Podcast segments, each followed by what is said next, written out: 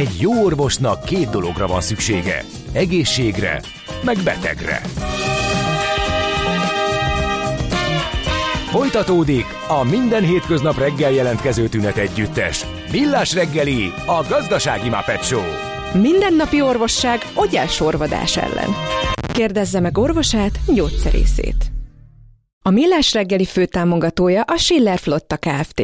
Schiller Flotta is rendtakár. A mobilitási megoldások szakértője a Schiller Autó tagja. Autók szeretettel. Jó reggelt mindenkinek, 8 óra 9 perc van, november 29-e szerda, ez a Millás reggeli, a Rádió Café 98.0-án és köszöntjük a kedves hallgatókat is, akik továbbra is írnak nekünk a stúdióban Ács Gábor. És Kántor Endre. 0630 hallgatók.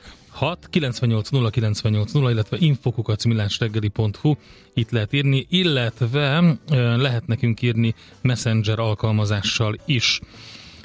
Azt mondja nekünk Kriszta, hogy ne reklámozzuk már szexárdot. Az anyós szexárdi még a végén kedvet támad utazgatni.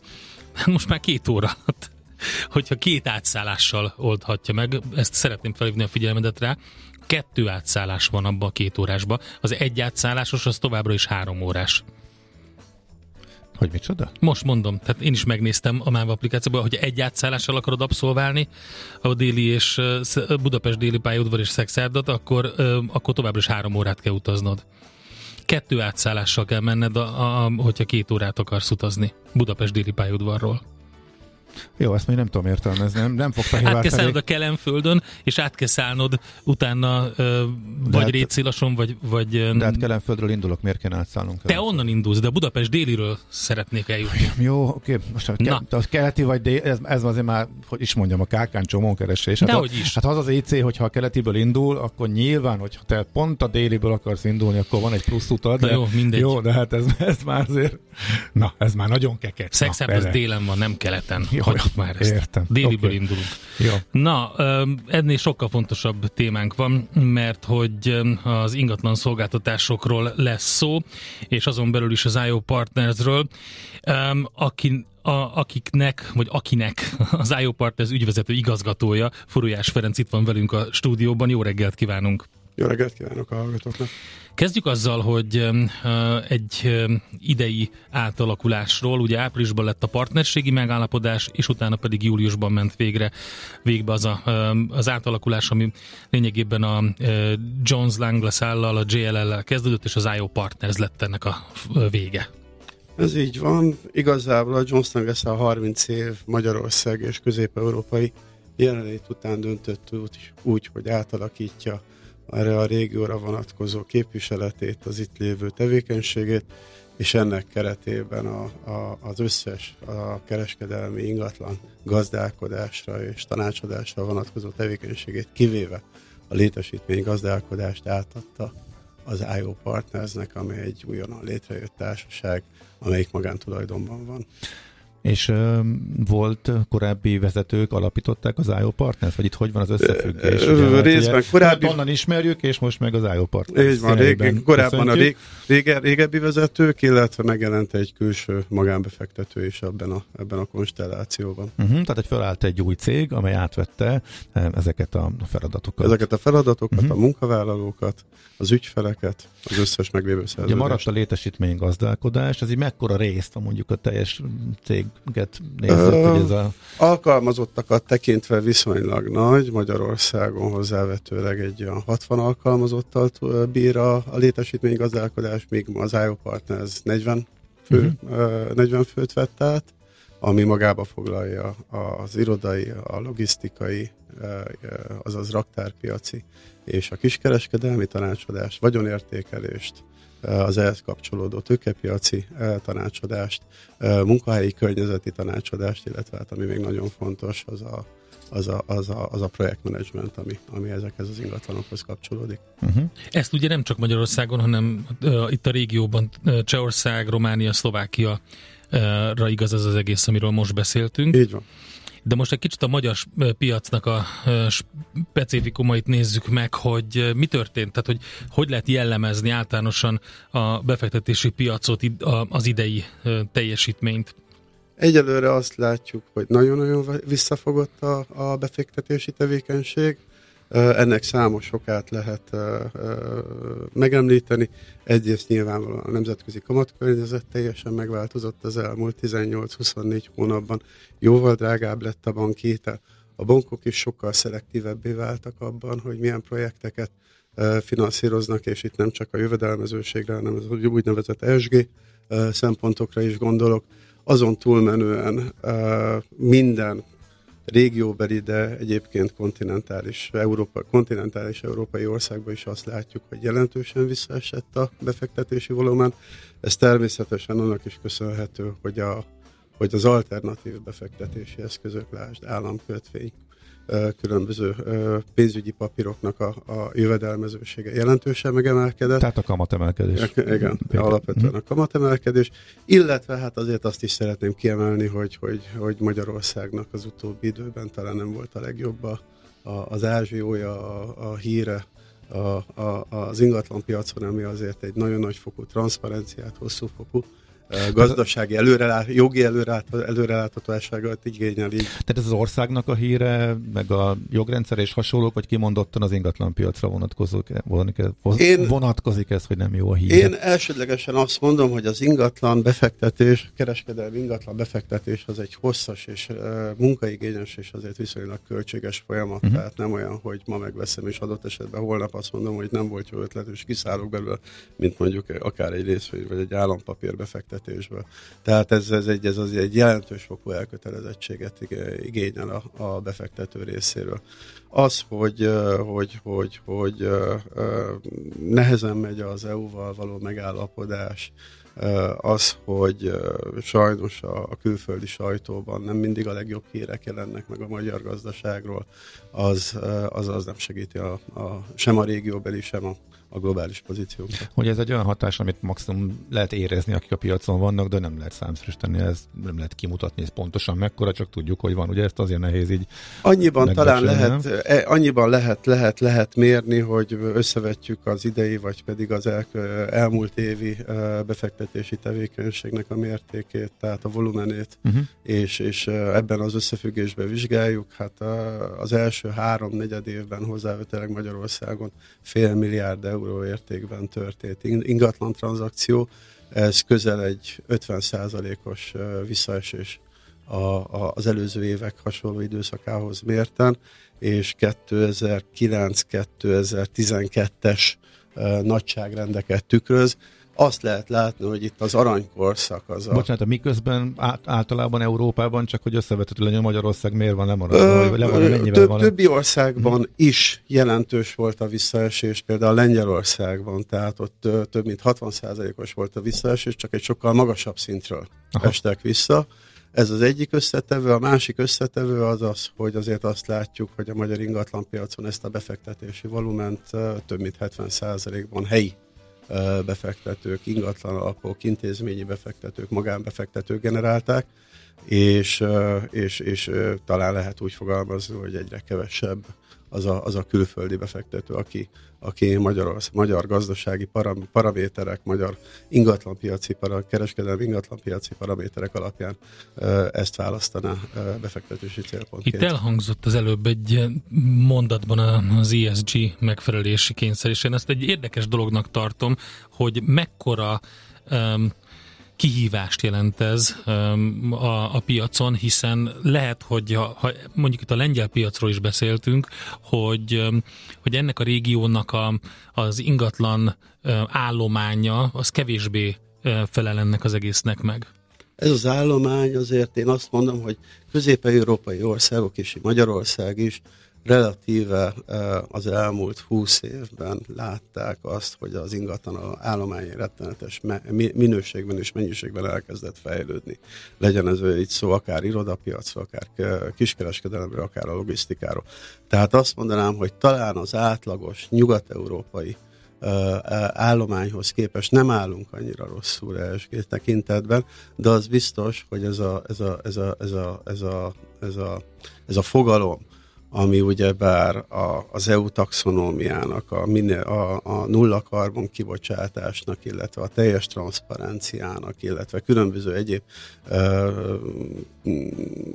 elvárt ö, minőségi és mennyiségi feltételeknek való megfeleltetést kellene, hogy biztosítsa 2030-2050 között, ez, ez egy olyan szabályrendszer, amivel azért még a piac jelenleg is még csak ismerkedik és próbál alkalmazkodni. Gondolom, gondolom a, a bérbevevőknek is kihívás, hogy Ugye itt egy óriási probléma, hogy a bérbevevő az, aki ezt az egészet neki ugye jelentenie kell, ki intézi el a jelentést, ki csinálja meg, milyen adatokat kap, a bérbe adó, ezt meg tudja-e oldani számára. Tehát itt van egy olyan dolog, ami, ami ugye tanulj, úgy fogalmazott, hogy tanulja a piac, de hát ugye szerintem sok kérdőjel van ezzel kapcsolatban. Egyelőre még, még, még vannak kérdőjelek, a célok legalábbis a, a környezetvédelmi, környezetkimélési tekintetben viszonylag tisztán meg vannak fogalmazva az EU által.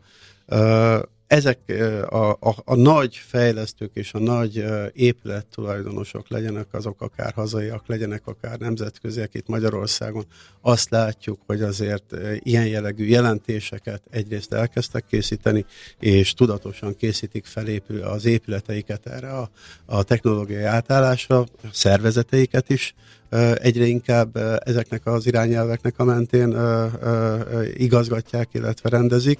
A bérlők pedig, hát legalábbis amikor nagy nemzetközi bérlőkről beszélünk, akkor azt látjuk, hogy egy viszonylag jól megfogalmazott igénylistával lépnek fel a, a bérbeadók felé, hogy ő nekik mik lennének az elvárásaik. Zenéljünk mm. egyet, és akkor utána folytassuk a beszélgetést, mert van meg egy jó pár érdekes kérdés az a kapcsolatban, hogy milyen kilábalási lehetőségek vannak, és hogy hogy néz ki a jövő, milyen trendek vannak. Furujás Ferenc van itt velünk, a stúdióban az IO Partners ügyvezető igazgatója. Továbbra is Furujás Ferenccel beszélgettünk, az IO Partners ügyvezető igazgatójával, és a ingatlan szolgáltatási szektor a téma.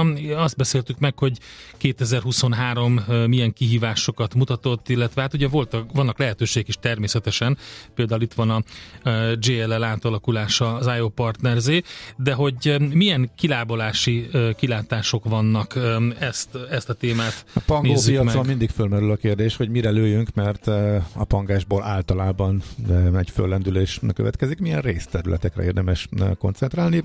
Hogy állunk most, és mi mozdíthatná ki a pangásból a, a piacot?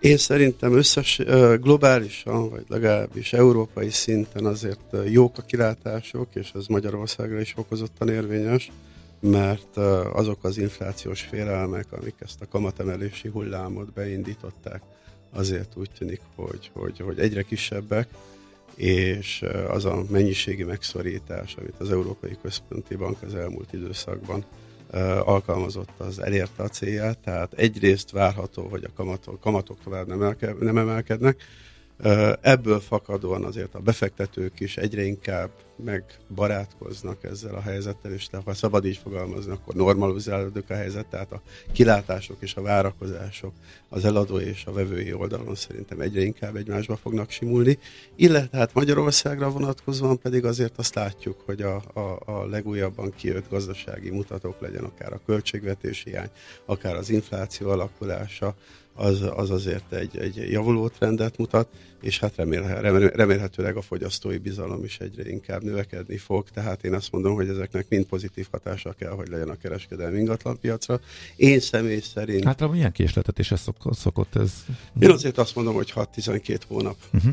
6-12 hónap. Tehát, tehát ez már a jövő év második felére egy azt mondom, élénkülést feltételez. Egyértelmű. És szektorokat tekintve pedig azt látjuk, hogy a logisztikai szektor, az, az, az, az nagyon megy pillanatnyilag Magyarországon, tehát előbb-utóbb várhatóan azt a regionális elosztó, közép-európai regionális elosztó központot infrastruktúránknak is köszönhetően a, a, a kormány különböző gazdaság élénkítő és fejlesztő lépéseinek is köszönhetően, de Magyarország egyre inkább be fogja tudni tölteni. A kiskereskedelem is egyre inkább, főleg a Covid-ból kijöve életjeleket mutat. Jelen pillanatban azt mondom, hogy az irodapiac az, ami talán a legtöbb kérdőjelet tartalmazza. ott ez a hibrid munkavégzés, az, hogy a, az embereket hogyan és miként, főleg ez a nemzetközi cégek, cégekre igaz, hogyan és miként lehet visszahozni az irodába, az újfajta munkavégzés, milyen irodaterületet fog ezeknél a cégeknél indukálni. De, de ez legalább mostanra nagyjából letisztult, mert ugye nem, mindig az volt, hogy nem tudjuk, hogy ez hogyan fog visszaállni a Covid után, most már nagyjából másfél éve magunk mögött tudjuk. Amit most látunk, az már ugye a véglegesnek tekintetük Szerintem ez még tisztulóban van. Ez még tisztulóban van. Aha. Azt látjuk, hogy azért néhány kivételtől eltekintve a nagy cégek, azok teljesen újra, újra gondolják azt, és hát ebben nagyon-nagyon fontos ez a munkakörnyezeti tanácsadás, hogy, hogy, hogy hogyan akarnak működni, milyen állományjal akarnak működni, azt az állományt milyen körülmények és milyen feltételek fogadják a munkahelyen, az a munkahely az hol legyen a városban, és milyen megközelíthetőséggel, milyen egyéb facilitásokkal, szolgáltatásokkal rendelkezzen, és ezeknek az eredője az, hogy egyelőre azt látjuk, hogy a nagy cégeknek a, a többsége az azért csökkenti a, a, a, a, azt az irodaterületet, ami, ami, amire korábban szüksége uh-huh. volt. Ez 10 és 30 százalék között igazából bármilyen mértéket megüthet, de hát hatalmas különbségek vannak Aha. azért attól függően, hogy ez, ez, ez milyen, milyen eh, szolgáltatási Az elhelyezkedésben látszik egyértelmű trend, hogy inkább kiebb mennek, bejebb mennek, metrohoz mennek, de hol? A tömegközlekedés az nagyon-nagyon uh-huh. fontos, és hát eh, Budapesten három fő iroda eh, piaci központ van, a Váci út, a Dél-Buda és a Délpesti központ, ott látjuk, hogy azért folyamatos az igény, de hát azért Budapesti, mint tudjuk, egy, egy erősen organikus fejlődési pályát írt le az elmúlt 20 percben, tehát jószerével a Váci út kivételével, ami, ami a talán legkoncentráltabb piac, azért számtalan helyen lehet találni fejlesztéseket. 20 évben.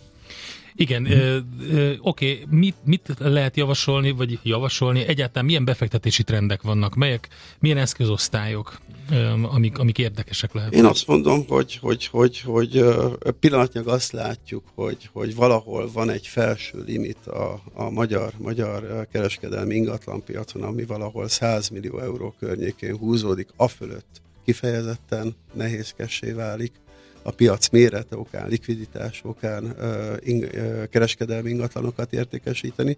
Az alatt pedig azt mondom, hogy valahol az ideális méret az a 30 kötője 60-70 millió euró között, között mozog. Ebbe belefér egy nagyon jó kis vidéki vagy kisebb budapesti kiskereskedelmi bevásárlóközpont, belefér egy logisztikai központ, illetve belefér egy hagyományos méretű, mondjuk 15 ezer négyzetméteres, 15 és 20 20 ezer négyzetméter között mozgó jól bérbeadott irodaház is. Egy utolsó kérdésben a logisztikára hagy térek vissza az elmúlt egy évben vált egyértelművé az a gazdaság politikai irány, hogy gépjárműgyártásra, elekt elektrifikáció, akkumulátorgyártás nagyobb hangsúly ez a logisztikában, logisztikai ingatlanpiacon hoz pesgést, vagy hozhat még pesgést, hogy itt többletkereslet mutatkozik? Jelentős többletkereslet mutatkozik, hát egyrészt ugyebár a gyárépületekben mutatkozik egy nagyon nagy fejlesztési igény, főleg a távol-keleti beruházók részéről, de hát azért a nagy német autógyárak, Győr, Kecskemét, de Debrecen azok egy nagyon-nagyon jelentős beszállítói bázissal rendelkeznek, és hát az ott meglévő autó, autógyártó üzemeken környékén és mellett pedig hát számtalan ilyen logisztikai központ kerül fejlesztésre, ahol pont ezek a beszállítók találnak otthont. Uh-huh. Oké, hát nagyon szépen köszönjük a kis piaci áttekintést, eh, meg a hátteret, hogy eh, mi is történt itt a eh, cégnél, tehát a Szájó Partners megalakulásának a hátterét is be tudtuk mutatni. Szép napot, jó munkát kívánunk a továbbiakhoz. Köszönöm szépen. Furujás Ferenc volt, tehát a vendégünk az IO Partners ügyvezető igazgatója. Jé, hát ez meg micsoda? Csak nem. De, egy aranyköpés. Napi bölcsesség a millás reggeliben. Hm, ezt elteszem magamnak. Kettő idézet is lett a mai napra, hiszen e, mindenféleképpen meg szeretnénk emlékezni és megsüvegelni Charlie Mangert, aki befektető zseni volt, barátja, partnere, jobb keze a Berkshire-ben is az omahai bölcsnek. Warren Buffett. Warren Buffettnek, így van. És sőt, tudod, mit több idézet is lesz itt, nem csak. Ő azt mondta, hogy, és ezt te hoztad be, úgyhogy mondd kérlek. Igen, most nyilván a halálak kapcsán beszélünk, róla elképesztő sokat tett a befektetési kultúra fejlődésért, azért is, hogy mások is az ő alapvetően nem bonyolult módszereit eltanulva sikeres befektetők lehessenek, és ő mondta egyszer, amin akkor is mosolyogtunk, de a halál alapján, hogy azt követően is szerintem még mosolyogni tudunk, szóval, hogy csak azt szeretném tudni, hol fogok meghalni, mert akkor soha nem megyek oda. Egyébként nagyon érdekes volt, olvastam egy cikket a Warren buffett való közös ügyleteikről, és azt mondta, hogy a befektetés első és aranyszabálya az, hogy ott kell horgászni, ahol vannak halak. És akkor utána azt mondta, hogy a második szabály az az, hogy soha se felejtsük el az első szabályt. Igen. És utána, mondta, és utána mondta, hogy egyébként ott, ahol voltak halak, elég jó halakat fogtunk, méretű halakat fogtunk, így utalva arra, hogy milyen üzleteket kötöttek. Na de van egy másik idézetünk, ami pedig a ma 90 éves John Mayallnak szól. Ugye az elején műsor elején mondtuk, hogy 1933-ban született John Mayall, nagy blues legenda, és Muddy Waters mondta róla a következőt. Az első aki eszembe jut a brit bluesról, az John Mayall.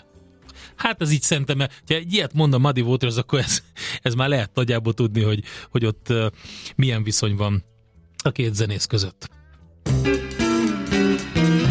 Az innováció és kreativitás hajtja a GDP-t, növeli a versenyképességet és munkahelyeket teremt. Egy jó ötlet már fél siker, kigondolni nehéz, eltulajdonítani azonban könnyű. Érdemes jól védeni, mert a szellemi tulajdon kincset ér. Gondolkodom, tehát vagyon. A rovat támogatója a Szellemi Tulajdon Nemzeti Hivatala. Egy nagyon érdekes témát feszegettünk dr. Kis Péter segítségével, aki a Nemzeti Adó és Vámhivatal Központi Irányítás Kommunikációs Főosztály Médiaosztályának osztályvezetője, a NAV szóvivője. Jó reggelt, szervusz! Jó reggelt, sziasztok! A, a titulusnak az elmondása tovább tart, mint a nevemnek a kimondása, hogy kis Péter, úgyhogy jó reggelt, sziasztok! Van ez így. Ez, ez egy névjegykártyán egyébként jól néz ki. Szellemi tulajdon jogsértés gyanúja miatt tavaly az EU tagállamok vámhatóságai több mint 2 milliárd euró értékben foglaltak le árukat, és hát ugye Magyarországon egyébként az eljáró hatóságok tavaly közel másfél millió árucikket foglaltak le. De hogy melyek a leggyakrabban hamisított termékek? Mire kell gondolni? Igazából bármi, ami értéket képvisel, lehet ez a szájmaszton át a, a gyerekjátékon keresztül bármeddig, vagy bármilyen termékig. A hamisítottnak az a lényeg, hogy minél gyorsabban, minél nagyobb hasznot elérjenek, és el tudják adni a, a piacon az illegális termékeiket.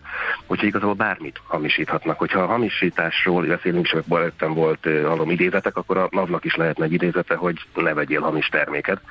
Ez lehetne talán a legfontosabb tudnivaló. Egyébként igen, az Európai Unió Bizottságának adügyi és bám főigazgatósága, valamint Európai Unió Szellemi Tulajdoni Hivatala kiadta a jelentését, ami az Európai Unió határain és a belső piacon mozgó hamisítással kapcsolatos szellemi tulajdonvédelmek a témájában az eredményeket, és van egy jó hírem, hogy Magyarország egyébként a hatodik, az első hat tagállamban benne van, méghozzá olyan tekintetben, hogy mennyi járót tartottunk vissza a határokon, illetve mennyi árut foglaltunk le, úgyhogy ez egy dicséret Magyarországnak, a Nemzeti Adó és Vámhivatalnak, és hogy ezt köszönjük szépen egyúttal. Oké, okay, ez tényleg impozáns, de um, honnan jönnek egyáltalán ezek az áruk? Hogy jutnak be az országba, meg hol készülnek?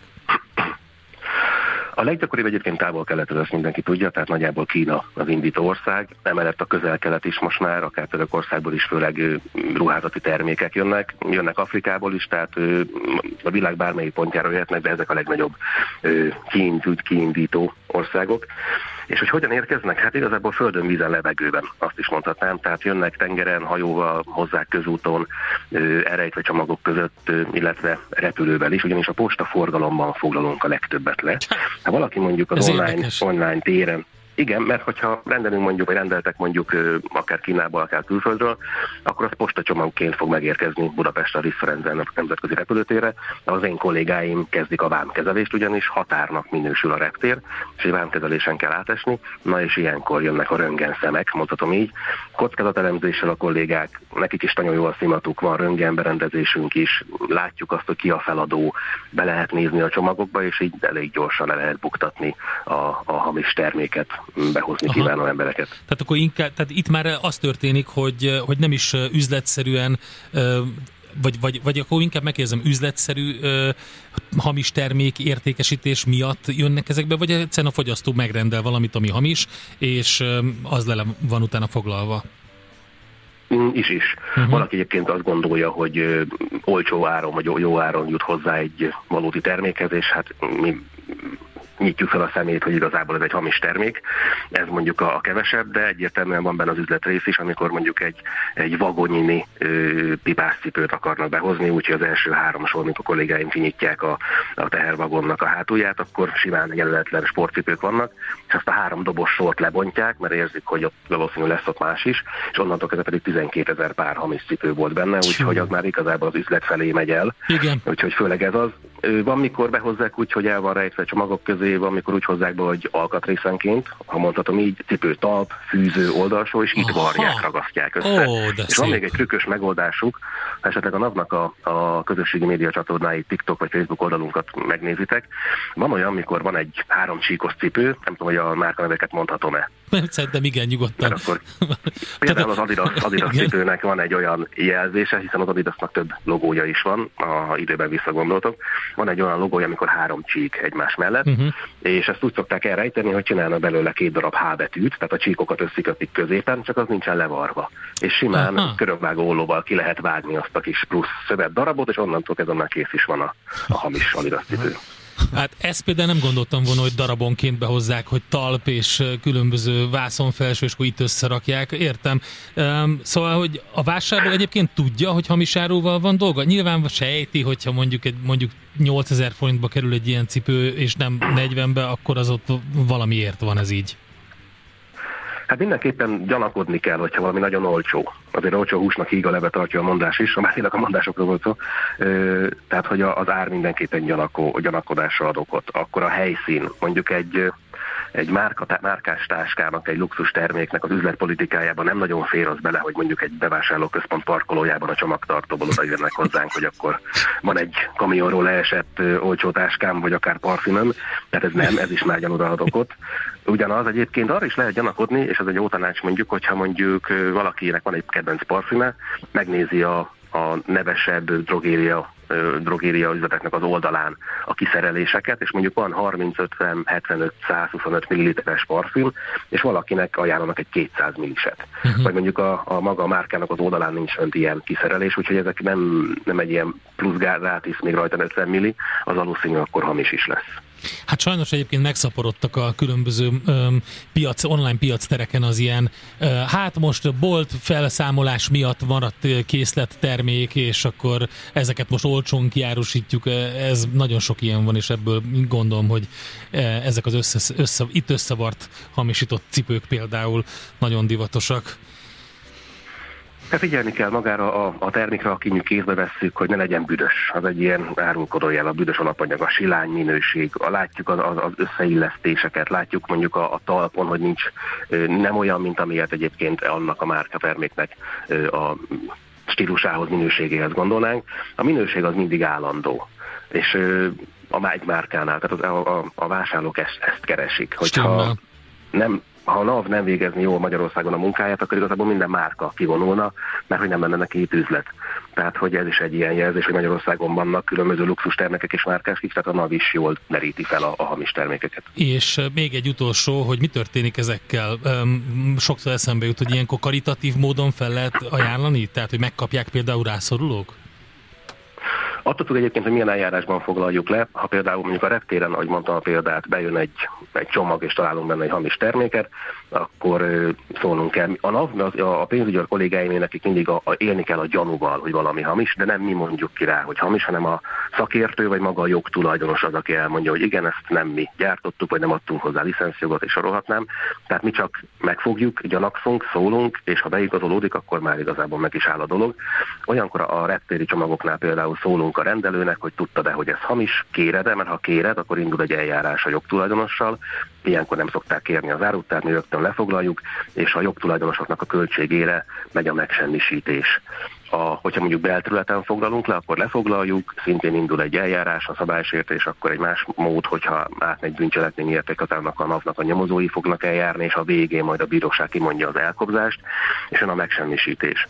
Ha iparjogvédelmi jogok miatt foglalunk le valamit, és ez nagyon fontos tényállás, akkor kötelező a megsemmisítés, azon nem lehet mit ö, tenni, hiszen nem lehet, nem kerülhet vissza a forgalomba, de hogyha mondjuk mással kapcsolatban foglaltuk le, vagy a jogtulajdonos hozzájárul, és mondjuk ő alaktalanítja, vagy márkátlanítja, azt kell érteni, hogy leveszik róla a különböző márkajelzéseket, és még úgy ez a ruhaemű mondjuk használható, akkor igen létezik olyan, hogy karitatív felajánlás, tehát nem a NAV dönti el, hogy mit adhat oda, hanem a szabályok döntenek így, akkor a karitatív tanácsnak felajánljuk, és a karitatív tanács dönti el, hogy akkor kikaphatja meg.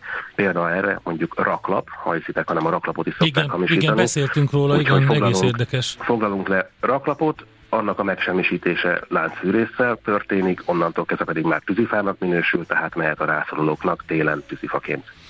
Hát ez nagyon érdekes volt, Péter, köszönjük szépen az információkat, és akkor további eh, sok sikert a hamis áruk ellen való küzdelemben. Kollégáim nevében nagyon szépen köszönöm, úgyhogy Köszönjük szép szépen, szervusz, szép napot! Sziasztok!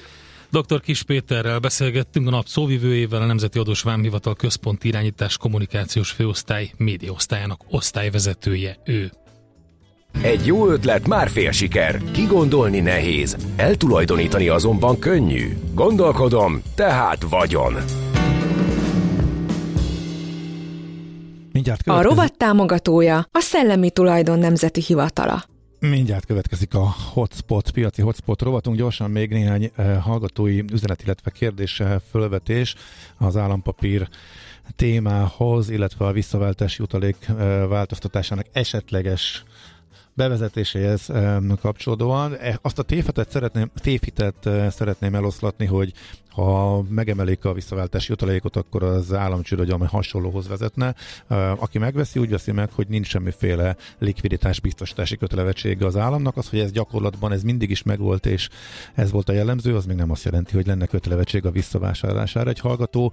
Ja, és ez egyáltalán nem jelent államcsődöt, ugyanis az állampapírokat lejáratkor visszafizetik rendben, ennek semmi köze ahhoz. Hogyha a lejáratkor sem fizetnék vissza, akkor lehetne erről beszélni. A másik, hogy ha de az még mindig nem államcsőd. Még akkor sem egyébként, onnantól kezdve lehet eh, Igen. beszélni arról. Akkor is van még jó pár feltétel. Nem a, hisztek bármit a politikusoknak? Igen, azért is beszéltünk erről, a politikusok is beleálltak ebbe, és az, az, ha, ha egy politikus kezd valamit bizonygatni, akkor annál inkább kezd az ember az ellenkezőjére gondolni. Pont ezért beszéltünk arról, hogy az állam érdekét nézve a másik oldal helyébe képzel magunkat, latolgattuk, hogy e, mit léphet az állam, és ez alapján jutottunk e, arra, hogy azért annyira nem fogja tudni, vagy nem akarhatja megszivatni a kis befektetőit, mert az államnak nagy szüksége van a pénzre. Nem tudod, hogy az információ özönben mi a fontos, mi a piacmozgató? Gyors jelentések, gazdasági mutatók, események? Csatlakozz piaci hotspotunkhoz, ahol friss és releváns információ vár. Jelszó Profit. Nagy P-vel.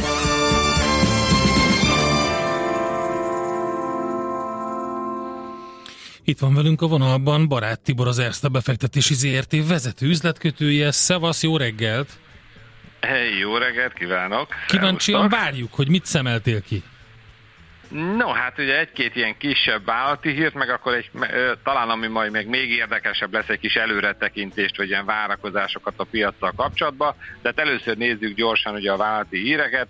Az első, hogy a Bloomberg értesülése szerint a Bayer szétválasztására, ugye, amit már tavasztal fogalmazott meg a cég, több befektetési banki tanácsadó csapatot bizott meg, és hát ennek ugye egyelőre nincsen, nincs meg a végeredménye, viszont ugye itt a Bloomberg szerint hát rendkívül költséges lenne a szétválasztás, elsősorban ugye a Bayernnek az adófizetési kötelezettségek miatt, ami ezzel ugye csökkenti ennek a szétválasztásnak az esélyét, pedig hát az új vezérigazgatótól sokan épp ezt remélték, hogy ezt majd ugye gyorsan le tudja zavarni, úgyhogy hát ennek hatására valószínűleg ez ugye negatív a papír árfolyamára, ez egy ilyen plusz opció lett volna, hogyha szétválasztják, akkor ez nyilván egy-egy értékteremtést jelentett volna. Hát ugye szegény embert, meg hát a báját úgy néz ki, hogy még az ág is húzza mostanában, ugye volt több rossz hír vele kapcsolatban. Hát egy kicsit hasonló a helyzet a Volkswagen kapcsán is, ugye őt is a, a húzza az ág is. Hát itt a Volkswagennek a névadó márka igazgatója jelentette az be, hogy a növekvő verseny és a cég elektromos autó iránti nem elég kereslet miatt létszámleépítést fog bevezetni. Hát a a szakszervezetekkel a részleteket ezt december 6-án Mikuláskor szeretnék közölni. Ú, ez Németországban nagyon nagy siker lesz. Meg a dolgoznak majdnem egy millióan ennek a cégnek, valami irgalmatlan mennyiségű ember dolgozik a Volkswagennek. Így, így van. Hát ő azt hiszem egyébként, mint hogyha a legnagyobb munkaadó lenne, Igen. tehát az autógyártók Igen. között mindenképp, de egy egyébként is, tehát a, a, a privát cégek között minden, mindenképp. Talán azt hiszem még ott a Deutsche Bahnnál vannak, de hát az ugye állami, állami cégén hasonló nagyságrendű dolgozók száma, tehát ugye ez, ez egy kellemes, kellemes Mikulás csomag lesz ugye ott a dolgozók számára, zárójelben ugye sajnos. Viszont tehát nézzünk egy picit ki a tengeren túlra, hogy hogyan sikerültek itt az amerikai eladások, ugye múlt csütörtök óta, és már megvannak ugye a számok.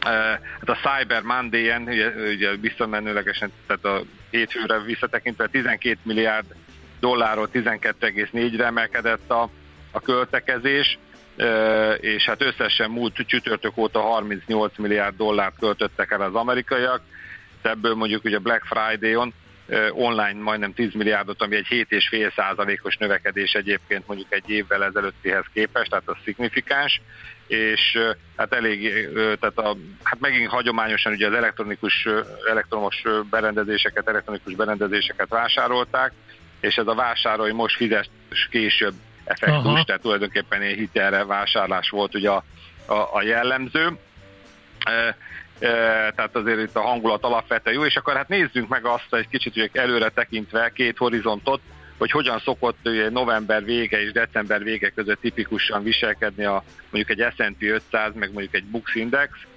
Erre készítettem egy kis összehasonlítást. Ugye az S&P 500-nál mondjuk van egy hosszabb táv, ugye ott 1930-tól néztem. Tipikusan ez az utolsó hónap, ez 0,8 és 1,2 százalékos növekedést hoz, ebből mondjuk jellemzően a 80-as évektől, tehát ott, ott volt jellemzőbb a, a, a nagyobb növekedés. Egyébként az esetek kétharmadában van növekedés az utolsó hónapban még.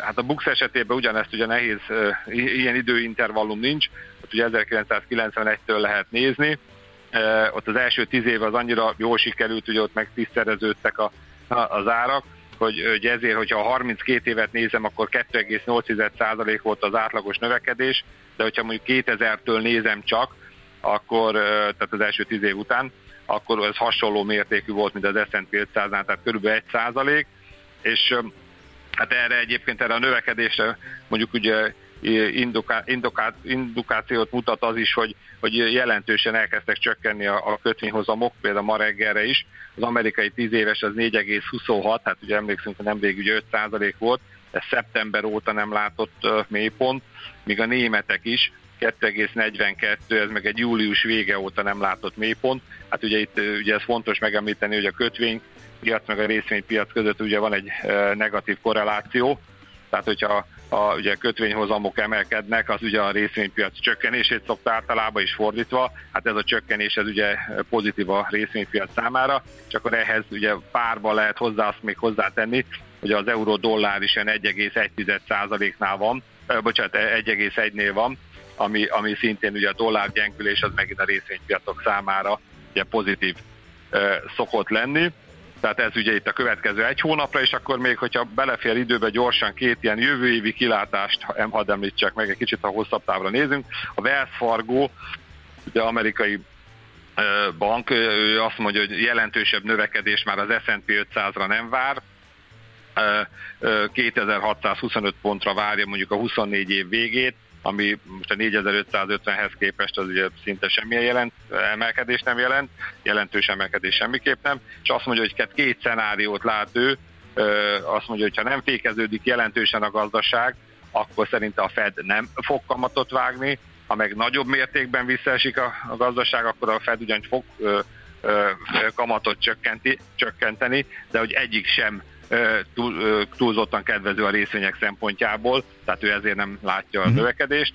Ugyanakkor, hát azért nézzünk mondjuk egy City elemző részvénystratégiáját, Scott Kroner, aki pedig azt mondja, hogy szerinte 2024-ben kiszéleshet ez a részvénypiaci rally, tehát hogy az idén ugye ez a, ez a csodálatos hetes, ezek vitték ugye a piacot magukkal, és hogy ez jövő évben akkor átterjedhet ez a pozitív hangulat más papírokra is, és ez szerinte az S&P 500 2024 közepére már az 5000 pontot is elérheti, ami jó. egy 10%-kal magasabb. Nagyon jó, csak eltérő po- Pozitív hangnemből fejezzük akkor be a beszélgetést. Köszönjük szépen, Tibor, nagyon klassz volt az összefoglalód. További szép napot, jó kereskedést! Köszönöm szépen, szervusztok, viszont hallásra! Barát Tibor az Erste befektetési ZRT vezető üzletkötője beszélt sok mindenről, és egy jó kis előretekintés volt itt, például a S&P The Books esetében is a jövőre. A Millás reggeli piaci hotspot rovata hangzott el. Azonnali és releváns információért csatlakozz piaci hotspotunkhoz. Jelszó Profit. Nagy P-vel.